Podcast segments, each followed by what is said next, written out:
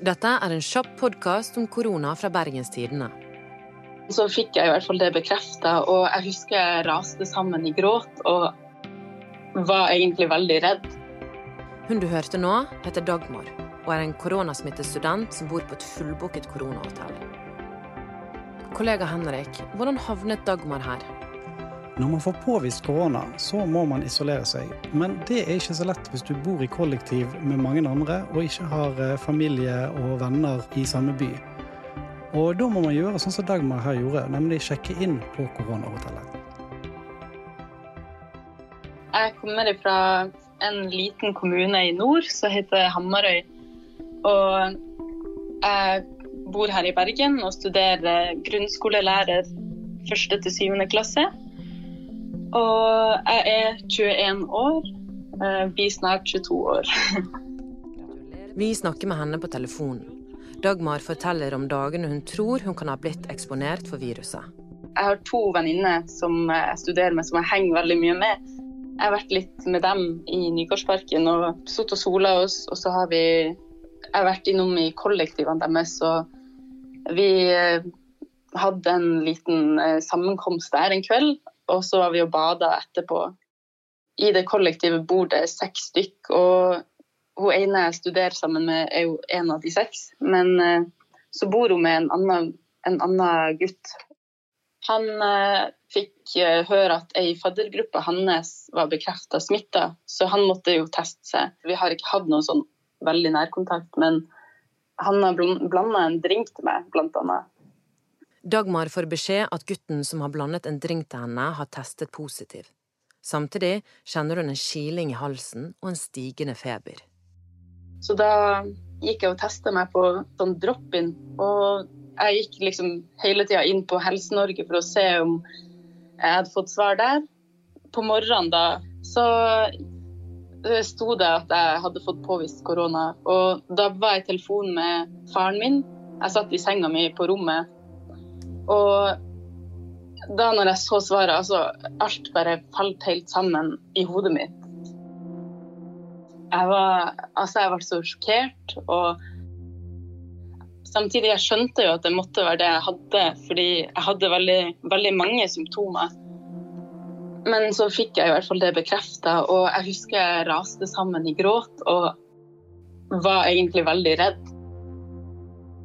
Dagmar er bekymret. Hun har nettopp fått påvist korona, og hun bor sammen med to andre som ikke har symptomer på korona. Og ingen av vennene hennes ser ut til å være smittet. Det var liksom så mange tanker i hodet mitt, og jeg var helt sånn hvor skal jeg gjøre av meg? Fordi jeg bor jo sammen med to andre, og de var jo ikke bekrefta smitta og hadde heller ikke fått noen symptomer. Må jeg være inne på rommet mitt, isolert hele tida, liksom? Og vi deler jo bad og kjøkken, sånn at jeg tenkte liksom at OK, nå er de sikkert smitta uansett. Og, og så fikk jeg en del telefoner og hadde veldig mange telefoner å ta for å fortelle Sånn så jeg ringte til hun mamma og nære venner og annen nær familie for å fortelle. Jeg ble ganske redd, for jeg, jeg kjente jo ingen eh, som hadde det. Annet enn han i kollektivet til venninna mi. Han fikk bekrefta eh, smitte dagen før meg. Så hadde jeg også fått vite at han hadde fått tilbud om å dra på et koronahotell.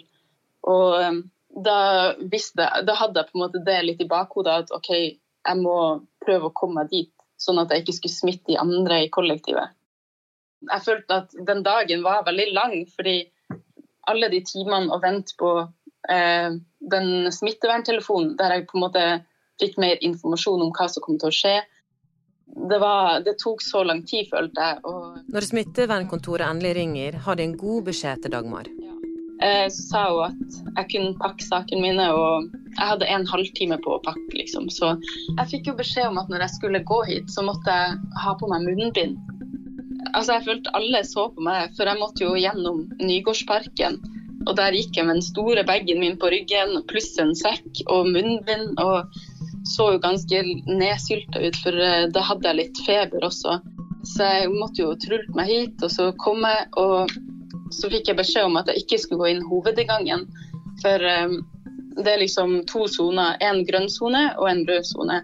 I den røde sonen er, er, liksom de koronasmitta, og i den grønne sonen er de som eh, jobber i smittevern og de hotellansatte og sånn.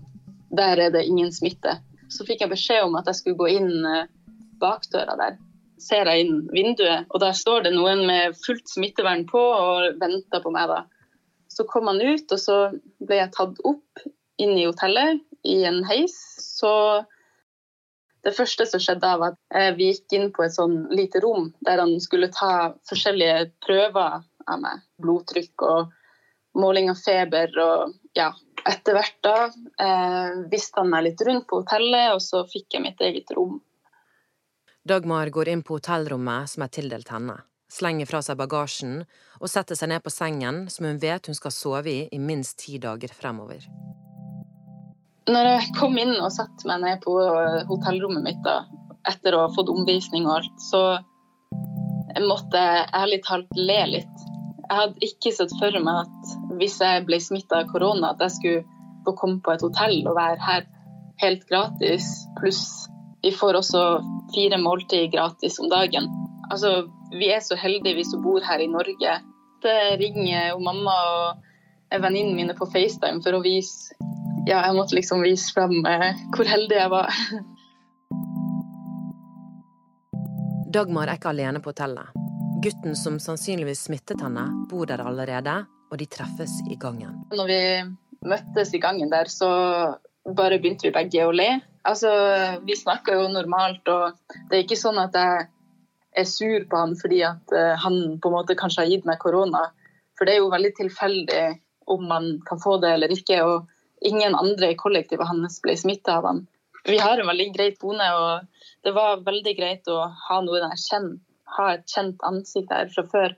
Jeg tror jeg var nummer ti som sjekka inn her. Altså, det var jo en merkelig situasjon å være i, og da var det veldig greit å ha en, ha en kjenning å kunne snakke til.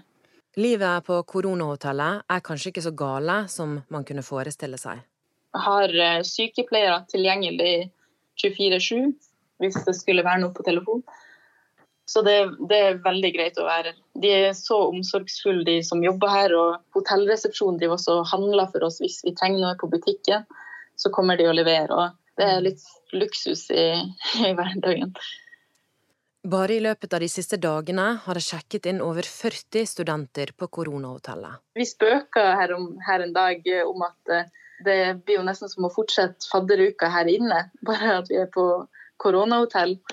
Jeg, føler litt sånn, jeg var fadder i fjor, og jeg føler liksom at vi som har vært der, på en måte nesten tar på oss et ansvar og være veldig greie med de som kommer og viser at sånn her fungerer eh, rutinen her på hotellet, og sånn her er det når vi får mat, og at vi på en måte kan eh, lære de litt når de er veldig usikre sjøl. Altså, vi prater jo eh, inne på de fellesrommene, og da når man, man får høre at eh, folk er på de siste dagene der de er symptomfrie og kan dra, så alle reagerer med å være veldig glad på deres vegne. Men samtidig så er det også veldig rart når man ser at OK, kanskje vi ikke ses igjen. Dagmar har snart vært på koronahotellet i over en og en halv uke. Hun er veldig tydelig på hva hun skal gjøre med en gang hun sjekker ut. Oh, eh, da skal jeg Jeg må jo hjem med alle tingene mine, men etterpå så skal jeg gå tur. Jeg skal eh, ut i frisk luft og forhåpentligvis håper jeg at eh, jeg håper det er fint vær og ikke typisk bergensregn. Men eh, jeg skal i hvert fall ut i frisk luft, uansett om det regner eller er sol. Vil du bli varslet når det kommer en ny Koronapod-episode? Trykk på abonner-knappen i BT Lytt eller på iTunes, eller der du vanligvis hører podkast. Følg med på BT sin løpende koronadekning på bt.no. Mitt navn er Anna Magnus, og produsent var Henrik Svanevik. Lurer du på noe, send meg en e-post på anna.magnus.bt.no.